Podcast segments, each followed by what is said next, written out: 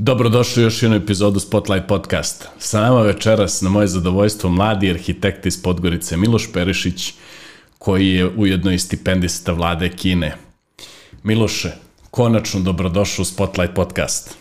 Dobro večer, Janko. Hvala na pozivu, stvarno odmah da pohvalim. Dobar si domaćin. Što je, hvala što lijepo, je hvala lijepo. E, Mikeli, ja ću odmah da krenem iz tvog CV-a, zato što e, jako si me inspirisao, e, imaš sekciju CV o meni. I kaže ovako, Miloš ima 27 godina, CV nije updateovan od prošle godine, jeli, sada već 28, e, eh, životnog iskustva, uživa u životu, u duši je avanturista, hoće i želi da bude inspiracija, zahvaleni na svakom danu, ljubitelj je zelenih akcija, folklora, fotografije, kampovanja i gitare. Ja sam stvarno impresioniran, mnogo CV-eva sam vidio u životu, ali malo ko ovako, ovakvu sekciju CV ostavi i ovako iskren bude. Pa to je ukratko ovako jedna moja mala lična prezentacija, tako se osjećam i tako živim. Reci, molim te, kad kažeš zelenih akcija, šta konkretno po tim podrazumijevam? Priroda izleti, zelenilo, Sjajno, sjajno. A reci mi, ovaj, e, jesi li ljubitelj nekih eh, adrenalinskih sportova? Ideš na skijanje, ideš li na snowboarding? E, pa ne baš. Bila da je želja dok sam bio malo mlađi i sad je to nekako utihnulo valjda sa godinama. Paziš se povreda. Paziš se povreda. Se Reci mi, gitara kao ljubav? Tu je prisutna, je bio ovako jedan malo aktivniji period, Vidim... lijepa druženja, bio jedan band malo nastupa, tako da lijepa, lijepa sjećanja, ali jedan lijep hobi generalno. Gdje se najviše nastupalo? Pa tu lokalni kafići kroz Podgoricu, to je to nam je bila ovako jedna rutica i nismo ga širili, ali dovoljno za nas. Super. Uh, reci mi, prošao sam kroz tvoj CV, ti si e, student Univerziteta Crne Gore, krenuo si sa arhitekturom na državnom univerzitetu, to je trogodišnji studij, je li tako, osnovne studije? Tako je, u tom momentu studije su funkcionisale po programu 3 plus 1 plus 1. Ovaj, završio sam osnovne studije, upisao sam specijalističke studije, njih sam također završio i to je neka, tu se zaokružio priču što se tiče Univerziteta Crne Gore. Vrlo zanimljivo da ti ovaj, imaš već sedam godina a, jeli, akademskog učenja iza sebe, što je više svojstveno, da kažem, e, e, medicinskom fakultetu nego e, studijama arhitekture. Tako je, malo se odužilo iz razno raznih razloga, ali generalno lijepi sedam godina, lijepo studiranje, zaokružio sam tu cijelinu i drago mi je što sam prošao kroz sve to. Možeš i molim te da mi kažeš kad se pojavila kod tebe neka želja za studijama u inostranstvu, moraš li gotovo sve svoje goste pitam, to možeš li negdje da se vratiš unazad, da spoznaš prvi moment kad si razmišljao o tome što bi rekli da trejsuješ tu misao i zašto baš Kina?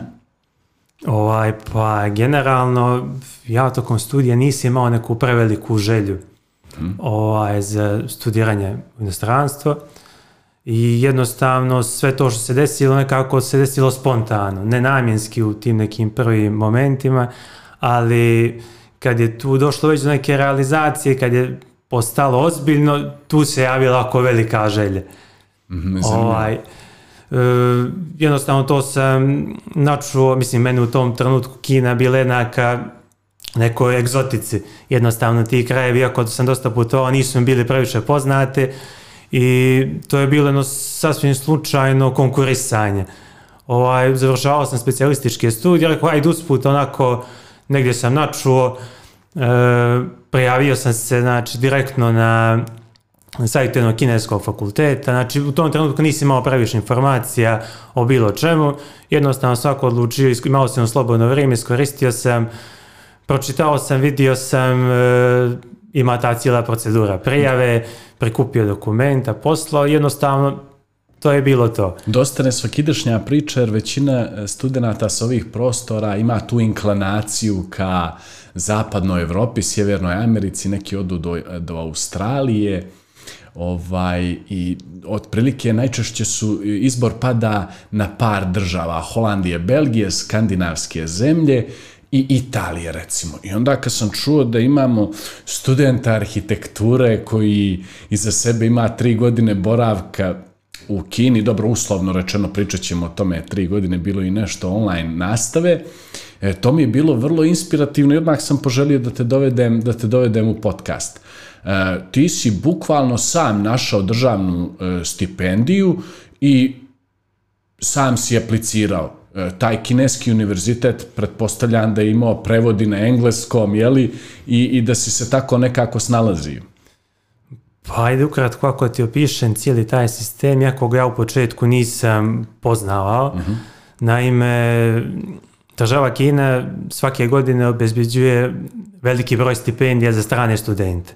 Jednostavno, uh, hoće da poboljšaju rang e, univerziteta, da stvore neke internacionalne zajednice, da prošire svoju kulturu, svoj jezik i godišnje dovode veliki broj stranih studenta.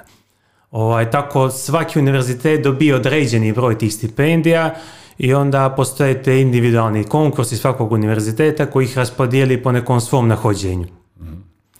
E, ja sam se prijavio na Young's univerzitet, ovako jedan jako dobar uh, univerzitet, da kažem u najboljih hiljadu u svijetu, e, što je više stoko bolje kotira nego recimo naš državni fakultet. Mm. E, postoji ta procedura, slanje dokumenata, online razgovori i pošto konkurs traje neki duži period, obično posle same preja ima taj neki prazan hod od nekih mjesec, mjesec i pol dana kada studenti generalno nemaju nikakvu informaciju u upisu.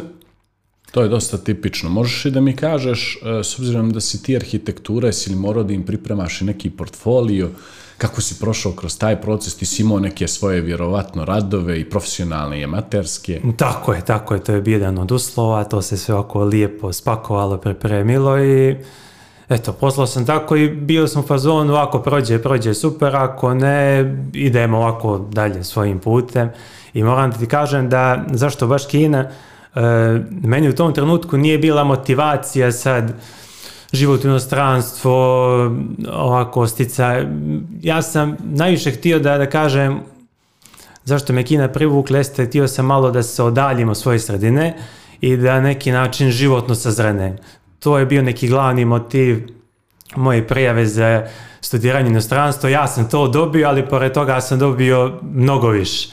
Tako da To je bi jedan razlog, na kraju sam dobio hiljadu jedan razlog zašto je, zašto, sam, zašto je to bila prava odluka i zašto je došlo u tom pravom momentu. E, vidiš, to je tvoja samospoznaja, a dosta studenta to uradi jeli, naprosto iza, izabere destinaciju i tek onda kada ode na tu destinaciju shvati da je daleko od kuće i da naprosto to kažemo skoro svim mojim emisijama da ne može baš kad mu se prohtije da se vrati kući, ali vidiš kod tebe je to bila jedna samospoznaja. Idem svjesno daleko i ovaj šta god da bude, tamo sam, i borit ću sam se. Rešava sam svoje probleme. Tako, tako, je. U, ujedno pričat ćemo o tim nekim izazovima koji su, koji su u tom momentu bili. Dobro, e, ti si studirao na engleskom jeziku, to je bio jezik instrukcije ili tako? Tako je, to je bila znači dvojezični sistem, znači oni su održavali ovako isti profesori predavanja na kineskom i na engleskom jeziku za strane studente. Nisi morao da polažeš uh, test jezika? Ovaj, bila obaveza prije samo magistriranja da se položi treći nivo kineskog jezika. To je ovako na prvu loptu djelovalo zastrašujuće, ali sve se to ovaj, postigne, nije to toliko teško koliko djeluje ovako na na prvi pogled. E, znači imali ste upore do časove kineskog od prve godine ili ja to razumijem dobro ili možda, možda malo kasnije? Tako je, od samog početka, znači godinu dana su bili časovi kineskog jezika, posle toga neka samostalna inicijativa studenta se pripreme za taj test koji je bio neophodan prije samog magistriranja. bio je jedan od uslova. Koliko je bilo stranaca na tvom programu? E, mnogo, mnogo, mada ne toliko puno iz Evrope, uglavnom su tu bile zemlje okruženja i zemlje sa afričkog kontinenta. Znači, to su masovno, to je ogroman univerzitet, 40.000 studenta. Tako da ima jedan dobar dio ovaj stranih studenta, ali ne toliko mnogo evropljana. Aj, molim te, uvedi me malo, pominjao sam tu razliku između, pokušavam da objasnim studentima ovdje razliku, uh, e, jeli, pojma kampus u Americi, da je studentski grad odvojen i najčešće malo udaljen od urbanog gradskog jezgra, a da je u Evropi većina univerziteta se u stvari nalazi u samom centru grada, jeli, u kojem se nalazi sam univerzitet. Reci mi kako je to u Kini, s obzirom da je toliki univerzitet i toliki kampus, i malo mi to sa ovog arhitektonskog momenta, molim te, objasni, uh, E, je li kod njih više ovaj američki pristup ili evropski? E, negdje između ovako kad pričaš. Stvarno ako lociranje ne, na jednoj dobroj lokaciji tako da nije u samom centru grada, ali je veoma dobro povezan. Mm. Tako da se studentima stvarno pružaju veoma dobri uslovi. Sve je to da kažem nekako m, mm, organizovano na velikom prostoru, nekako humano. E, sve je proporcionalno, tako da studentima stvarno je da e, jedan lijep ambijent za rad i za učenje i za napredovanje. Sve ovo što ti kažeš, način na koji kad si odlazio si gledao na sve to, vjeruj mi da, da ja i dan, danas imam taj utisak u Kini i u dalekom istoku, ovaj, tako da mi je sve to onako pod nekim velom misterije i tajne i tako dalje, neki daleki svjetovi. E, tako da, e, možeš li malo da me, da me uputiš u kulturu, u taj prvi moment kad si došao, e, jesi li imao uh, malo izazova da se adaptiraš, je li nekako, makar fizički onako odskačeš od ljudi koji te okružuju, to je najmnogoljudnija zemlja svijeta, ovaj, uvedi nas malo u tu priču. Ovaj, mislim prvo da ljudi nisu svjesni koliko je Kina velik. Ja definitivno nisam, zato te i pitam. Evo recimo od e, Guangzhoa do kao neke južnije tačke, do Pekinga kao neke sjevernije, kao od Podgorice do Parize. Nevjerovatno. I recimo u drugom smjeru također tako. Tako da sve to je to jedna velika država, ali ona ima toliko različitosti da je to ovako teško pisati i svaki kraj doživlja za sebe. E, ja sam eto, imao sreće da odem u tom nekom centralnom dijelu, da kažem, to je Hubei provincije, Ovaj, s, e, u početku, je interesantno ćete možda biti da kad sam došao, vodio sam ako jedan dnevnik, kao dnevnih ovako događaja, tio se to zbog sebe da ima kao jednu lijepu uspomenu. Super. I sjećam se, znači, prvih dana, prvih nekih 15 dana, svakodnevno se ovako dosta tu pisalo.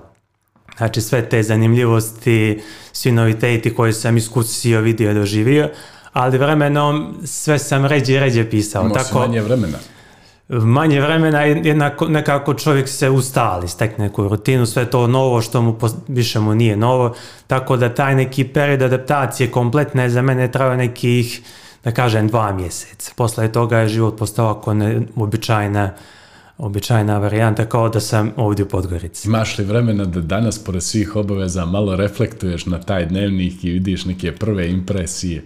Pa, s vremena na vrijeme. Ovako je uvijek se malo iznenadi, neke stvari zaboravim, pa svako malo posjetim, ali uh, e, lijepa je to stvar i mislim da je, da je dobro što sam to radio u tom početnom periodu.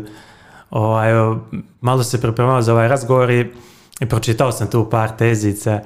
Recimo, prvi taj prvih dana kad sam stigao, recimo moj prvi obrok u Kini, prvo objedovanje. Ovaj, bilo je jako ukusno sve, ali posle par minuta suza suzu stiže. Nešto sam tužan ili srećan, jednostavno previše je bilo hrana začinjena. Mm -hmm. I recimo, to mi je stalo ako taj dan sam to zapisao kao jedna simpatična stvar, koliko u stvari njima samo tajna stvar potpuno drugačija od naše. Koliko su te razlike samo počinju sve tu, a idu, da kažem, u cjelokupan život. Reci mi, kako si se zaista na kraju adaptirao na tu hranu? Šta je bio, da kažem, najzastupljeniji meni u toku, u toku nedelje? Pa, nekako sam se na te začine vrlo brzo navikao. Ovaj početku sam, jedna od prvih fraza na kineskom jeziku koju sam naučio, e, glasila je bujaola, Znači, u smislu manje, manje ljuto, ne želim ljuta. Tako da sam to često govorio u početku. Ovaj, ali eto, brzo se čovjek navikne, meni to nije smetalo, to je ovako na, generalno jak ukusna i zdrava hrana i uh, na dobro se nije teško navići. Tako je, sad kad kažeš to, sjetim se jednog pakistanskog restorana u koji sam navratio za vrijeme boravka u Francuskoj i bilo je pet gradacija ljutog. I kažu ovaj, e, četiri plus i pet samo jede kuvar. samo iskusni. Samo iskusno i on ima taj peškir, ovaj, dok proba, jer stalno mora da proba i vidiš ga samo Zna. Da. kako se briše, briše po čelu. Vrlo zanimljivo. E, sve sam htio te pitam, ali nisam, gledam da te ne prekidam. E, zanimljivo mi je kad pomeneš dnevnik, neko ko, im, ko je 94. godište, da li dnevnik e, čovjek 94. godište vodi na laptopu ili stvarno ima je li onaj moleski notebook i piše sve to film? E, više volim elektronski nekako. E pa zato te i pita. Sve to uredim, ispravim, prepravim, napravim formu da to bude ovako prezentacijno, čisto i zbog mene kasnije, jednostavno tako volim, tako funkcioniš. Sjajno. E, reci mi, da li si imao malo vremena pored tih Znamo da arhitektonski fakultet je izuzetno e, ozbiljan fakultet. Da li si imao vremena malo da putuješ e, i gdje si, e, gdje si, gdje si sve išao tamo? Jesam, mada generalno program u Kini je dosta dobro organizovan, uh mhm. -huh. jer se pruža se studentu dosta slobode. Ovi klasični predmeti ispiti to je organizovano tokom prve, dvije, tokom prve godine, a zatim dvije godine su opredeljene za neki istraživački rad, za pisanje svog rada, magistarskog, za recimo učestvovanje nekim konkursima i tako dalje. Znači oni više fokus stavljaju na to nego na ova klasična predavanja. Tako da sam imao dosta slobodnog vremena i trudio sam se da, da, da ga iskoristim na najbolji mogući način. E, ono što bih posebno istakao jeste e, recimo između semestara ima se neka pauza od mjesec dana i to sam iskoristio iskoristio prve godine da odem na volontersko putovanje u Kambođi. Vrlo zanimljivo. Tamo sam znači boravio u jednom selu mjesec dana i podučavao sam djecu bio sam i kao predavač engleskog jezika i stvarno jedna životna avantura koju nisam ni jednom momentu očekivao, jednostavno sama se desila, nikad se ne bi desila da se ja recimo nisam prijavio za tu stipendiju koju sam dobio. Tako da e, nikad ne znate što vam život donosi i uvijek od toga što dobijate, dobijete još nešto ekstra uz to. Vrlo zanimljivo. To je ovaj moment i CV avanturistički duh. E, ok, e, dobro, e, možeš i sad malo da mi kažeš, da me uvedeš u taj moment e, Kine i koronavirusa, ti si čovjek koji je jeli, bio u tom momentu tamo i kad, kad smo se e, jeli, našli na kafi pred ovaj E, podcast, ja sam vidio da ti meni izgledaš poznato. I onda sam te pitao je li moguće da si bio na nekom uključenju na TV-u, dnevniku, u sred onog nekog momenta sa koronavirusom i sa pandemijom i zaista se to i na kraju ispostavilo. E, možeš li da mi kažeš kakvi su to momenti tamo bili, e, taj prvi udar, e, kako je funkcionisala država, kako su funkcionisale institucije, E, uvedi nas malo u tu priču, vrlo mi je zanimljivo. Ovaj, iz ove perspektive je stvarno jedno sjajno iskustvo, ali, sta, i, ali iz tadašnje ovako jako veliki stres, jako veliki pritisak, sve je došlo onako neočekivano iznenade. No, ovaj, ma da, da kažem, bili smo E, situacija možda bila malo drugačija nego što su to mediji Prekrati. prezentovali. Koliko si ti zaista bio od ovog Wuhana, od, od ključnog mjesta? Dakle, pa pola sata. Nevjerovatno. Pola sata vozom i bio sam, da kažem, u tu užu lockdown e, zonu. O, a ja se u tom momentu pripremao za jedno veliko putovanje u Indiji. To mi je bila velika želja. Bio sam bukvalno spakovao kofere. Ovaj, i par dana pred let jednostavno sve se zaključava i počinje live priča koja traje već par godina. Mada u tom trenutku već se neki, pre nekih mjesec dana prije, da kažem, tog događaja tamo su se javljale neke informacije da se nešto dešava, međutim to je bilo nekoj maloj razmjeri, niko nije obraćao pažnju na to. Mi smo kao studenti imali obavještenje, pogotovo kao internacionalni studenti, da se uh, da izbjegavamo aerodrom u Wuhanu i da se generalno pazimo da budemo prezni u tom periodu. Ovaj, I onda... Koliko e, se sve to brzo desilo, molim te, jer ste vi imali neke najave i onda je, jeli, e, e, da li je taj lockdown nastupio odmah ili se situacija onako postepeno razvijala? Pa nismo imali zvanične najave, više to bilo ovako priča među studentima ali lockdown se generalno desio iznenade, iznenadio i stanovnike tamo, ne samo nas studente. Ovaj, I tu se stvarno vidi koliko je Kina kao država moćna, koliko je taj sistem dobar. Znači oni su bukvalno sve što su ostale države ovako više mjesečne neke pripreme i taj proces, to, to se tamo desilo preko noći. Recimo šta se dešava na primjer u tom momentu kad ti e, jeli nijesi u, u špajz nagurao sve namirnice koje ti trebaju, znaš da ne možeš da izađeš. Ja znam šta se dešavalo u Podgorici, konkretno i u Crnoj Gori. Ovaj, e, skoro sam negdje vidio taj post koji je neko objavio, ono Maslovljevu, Abraha Maslova, hijerarhija Aha, potreba, potreba, piramida i je li ispod ona osnova je bila toalet papir. Na primjer nisam ni znao koliko čovjek ne može bez toalet papira dok nije dok nije došao covid da nas na to podsjeti. Reci me, reci mi u tom momentu kad takva jedna najava se desi, desi se tako iznenada.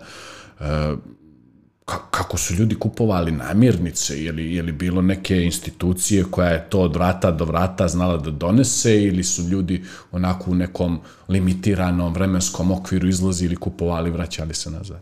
Ovaj, tu je stvarno univerzitet izašao puno u susret svima mm -hmm. nama. Ja sam živio van kampusa, živio sam sam, mm -hmm. ovaj, tako da su oni ovaj, često bilazili studente, donosili sve potrebne namirnice, mm tako da je to funkcionisalo bez problema. Mada je bilo jako neobično, znači malo je taj neki period kada možemo da izađemo, da podnemo do marketa, da uzmemo šta nam treba, ali grad od 6 miliona ljudi i ulice su puste, stvarno ovako jedno neobično iskustvo i istovremeno i zastrašujuće i zanimljivo. Tako da, da s ove tačke gledište, to drago mi je što imam iza sebe tako jedno zanimljivu avanturu što sam prošao bez bolni, što se sve, sve završilo na jedan lijep način. Reci, molim te, ovaj, nastava i predavanje su odmah po automatizmu krenuli online, jeli? Bukvalno preko noći. Oni su ovaj, elektronski tako napredni, tako da se to ovaj, nekako po automatizmu njih odmah je očekivalo. Tu se nije primijetila nikakva razlika, znači odmah se nastavilo bez... E, ikakvih propusta, tu studenti nisu trpjeli ni na jedan način. I je li univerzitet imao svoju neku e, neki interni softver pomoću kojeg je administrirao predavanje ili je to ono klasično Microsoft Meet, Zoom, e, Google, Google Talks, e, Google Meet? ovaj, ovaj Google-ovi servis i sve ostalo, to je sve ovako dosta cenzurisano u Kini, znači mm. Facebook, YouTube, Instagram, Zato to ne postoji. Pitam. Imaju oni pandane svoje za sve to navedeno, tako da v, oni su tu povezani nevjerojatno dobro, ima tu par ovako aplikacije softvera na državnom nivou koje bukvalno služe za sve živo i bez koji život tamo ne može se zamisliti skoro mi je e, jedna gošća pričala o životu u Americi o tome kako e, apsolutno u banku je pošla samo jednom da otvori račun. I posle toga i krediti i plaćanja, apsolutno cjelokupan život se dešavao online. S obzirom da sam ja se vratio iz Amerike neke 2008. To mi sad ovako malo nevjerovatno zvuči, ali vidim da je, da je Kina apsolutno u korak sa vremenom. Tako da pretpostavljam da je i to tvoje iskustvo kao tako vrlo validno. Tako je, može se reći da su u mnogim stvarima stvarno ispred ostatka svijete. Oni su na društvo bez keša već duže vrijeme, što je mene također tamo bila novina. Znači, mobilni telefon je sredstvo za sve u životu što je bilo vrlo ovako handy u slučaju, u slučaju e, koronavirusa, najčešće je cash bio to sredstvo u kome smo mi razmjenjivali virus od, od jednog reći, do da. drugog, tako da oni su bili tu tu zaštićeni. U da. E, vrlo zanimljivo. Ajde samo mi prije ove naše prve pauze malo reci e, e, kakav, je, kakav je bio taj povratak u, u Crnu Goru, koliko je to trajalo, kakva je bila procedura, ti si bukvalno E, poslednjim avionom u korespondenciji sa ambasadom e, se vratio nazad. Uvedi nas malo tu priču. O, tu je negde počeo veliki pritisak porodice da se ja vratim, jako da ja u tim nekim prvim momentima možda nisam htio, mislio sam malo da se strpim, proći će to brzo, ali oni su vjerojatno ako iskusniji, poznaju te situacije, tako da sam negdje pod velikim pritiskom odlučio da se vratim kući, ali nije bilo ni malo jednostavno imao sam stvarno veliku podršku naše ambasade, ovaj, ali zanimljivo je što su u tom trenutku eh, nekih 3-4 eh, nedelje se tražio ovaj avion sa kojim ja mogu da se vratim. Znači, rijetko koja država je htjela da me primi. Jer je svako bukvalno dolazio za svoje ljude i prihvatila me Ukrajina i mogu i reći da sam ovako zahvalan do kraja života Eh, jer me za Ukrajinu vežu ovako na, na lijepe iskustva, prihvatili su me ovako kao da sam njihov, domaćinski, odrađena je ta evakuacija, bio sam kod njih nekih 15 dana, ovaj, i ovako bio to malo komplikovaniji proces, dosta nervoze, dosta stresa, ali eto sve se završilo kako treba. Super. Ovdje ćemo završiti ovaj prvi dio, a onda ćemo nakon kratke pauze malo da napravimo jednu paralelu između jeli, e, stanovanja u Crnoj Gori i stanogradnje u Kini, e, jeli, svih tih nekih planskih momenta, kako je to u Kini e, regulisano i da napravimo jednu paralelu sa Crnom Gorom i na kraju ćeš nam dati ti jednu poruku za naše slušalce i gledalce, ali sve nakon male pauze. Evo nas nakon kratke pauze, sa nama Miloš Perišić, arhitekta crnogorski i bivši student univerziteta u Kini. E, reko smo da ćeš da nam napraviš paralelu između socijalnog stanovanja u Crnoj Gori i socijalnog stanovanja u Kini. Da čujem. E, Trokodna nezanimljiva tema, često sam to pre prepovrtko, aj ovaj, pričao sa društvom i sa porodicom. E, na koji način je to tamo sve ovako nekako lijepo organizovano I vrlo jednostavno, nismo mi daleko od toga, a, a situacija je sasvim suprotna u odnosu na Kinu. E, kao jedan mlad čovjek koji je, koji je to gleda rešavanje svog stambenog pitanja, e, koji želi da se skući, sad upoređujem situaciju koja je trenutno ovdje i koja se dešava paralelno u Kini. E, tamo je organizovan po zakonu taj sistem ovaj, masovnog socijalnog stanovanja. E, naime, od početka radnog odnosa e, za svakog stanovnika dio plate ide ovako na jedno, jednu kolektivnu gradnju. Mm -hmm. Gradnju koja, e, koja organizuje država. Znači, nema situacije gde privatni investitori grade svoje stambene blokove zgrade, znači to kod njih ne postoji. Mhm. Jednostavno sve to organizuje država Kine.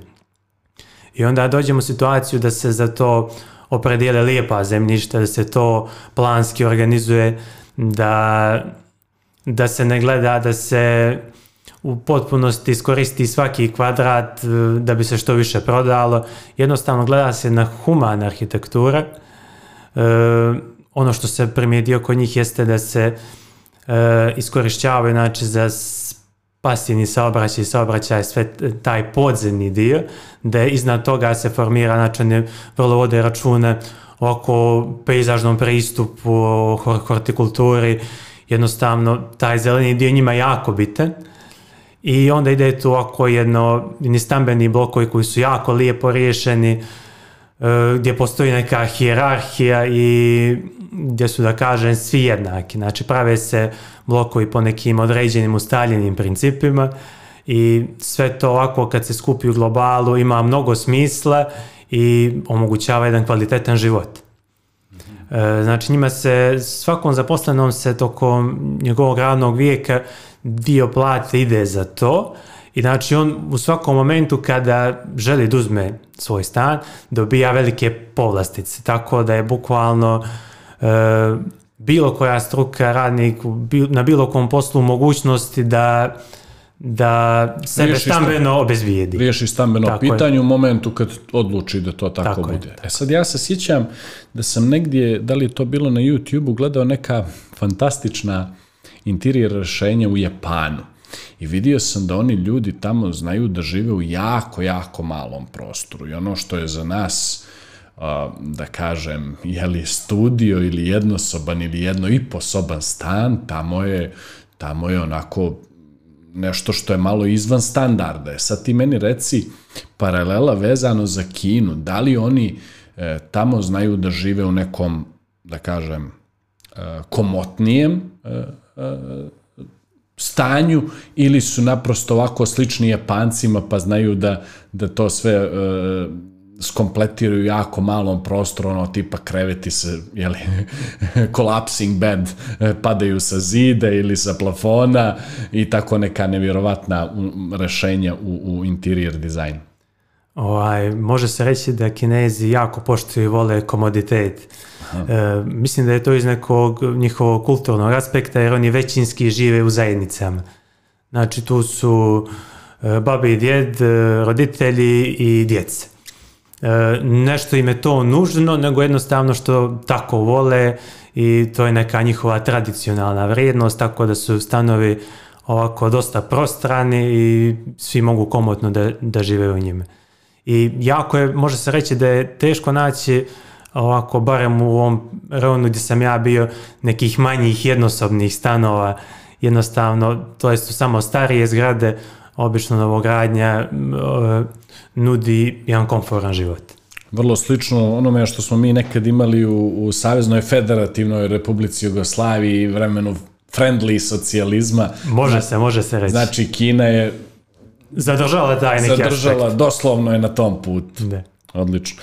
E, rekao sam ti da ćemo da otvorimo jednu temu koja je čak bila i e, mimo moga znanja prethodnog, e, dio nekog tvog malog rada istraživanja, a to je e, iskopirani Pariz u Kini. Ja sam negdje vidio na internetu tu sliku i nevjerovatna je sličnost sa autentičnim Parizom i vidio sam negdje komentar ispod i da li je slikan u vremenu nekog praznika ili nedelja, ali nije se vidjelo previše ljudi na ulicama i kao ono kinezi vole autentično i odbijaju da žive u kopijama, pa čak i ovako dobroj kopiji kakva je kopije Pariza. Molim te reci mi o čemu se radi. Pa, mislim da rijetko gdje u svijetu postoje, da kažem, ti tematski gradovi. Uh, uvijek je to te replike tematski dio vezan za možda neki zabavni sadržaj, neki tematski entertainment parkovi, e, shopping molovi i slično. Ali međutim, tematski grad za život, to nije, nije toliko često.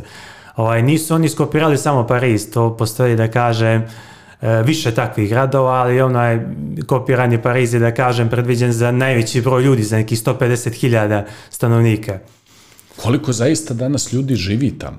Pa mislim da mm, nije neka velika popunjenost, manji kapacitet je tu u pitanju i radili su neki intervju sa tim stanarima tamo i jednostavno oni kažu da ti gradovi nemaju neku istoriju i da oni to prepoznaju da jednostavno ne osjećaju se tamo svoji na svome i to je možda jedan od glavnih razloga e, zašto se to desilo ili zašto je taj projekat kao takav nije uspio. Znači ipak ta priča iz tog nekog članka na koji sam ja naišao da grad koji je i grad koji nema dušu je zaista autentično. Dobro, e, ajmo, pošto već negdje e, možemo da polako privodimo kraju, možeš li e, onako da mi daš jednu poruku za naše gledaoce i možda malo prije toga da mi kažeš koji su neki tvoji planovi za budućnost i ima li nas gdje u tvojim planovima, da li se vežeš za Crnu Goru ili možda razmišljaš o nekim doktorskim, postdoktorskim studijama, kako trenutno razmišljaš? O, ja sam za ovo ovdje, za Crnu Goru me stvarno veže na jake emocije i želja mi je da, da ovdje ovako puštim korijene i moji planovi su vezani za Crnu Goru ja sam uvijek otvoren ovako za sticanje novih znanja, novih vještina, tako da mi je cilj u tom nekom poslovnom e, životu da napredujem koliko god je to moguće. E, što se tiče poruke za mlađe studente, to savjetujem ih da budu otvoreni, da ima stvarno sad pregršt prilika i da vjerujem ako se uloži određeni trud da se na neki način inostranstvo u bilo kojem obliku studiranje inostranstvo može ostvariti i da će im to ovako biti jedno iskustvo za život, da će se uvijek rado sjećati, da će tu biti ovako puno lijepih uspomena, puno lijepih sjećanja, da će to biti jedna veoma važna cijelina za, za njihov život i generalno ako za njihovo životno sazrivanje.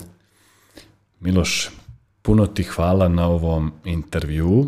E, Crna Gora e, ima ogromnu potrebu za stručnjacima kakav si ti, da ne ulazimo sad u pojedinosti oko planiranja prostora i tako dalje, tako da se ja nadam da jeli, da ćeš ti zaista ostati ovdje i pored nekih izazova možda da, da, da nastaviš negdje drugo i da će Crna Gora moći da iskoristi tvoj pun potencijal.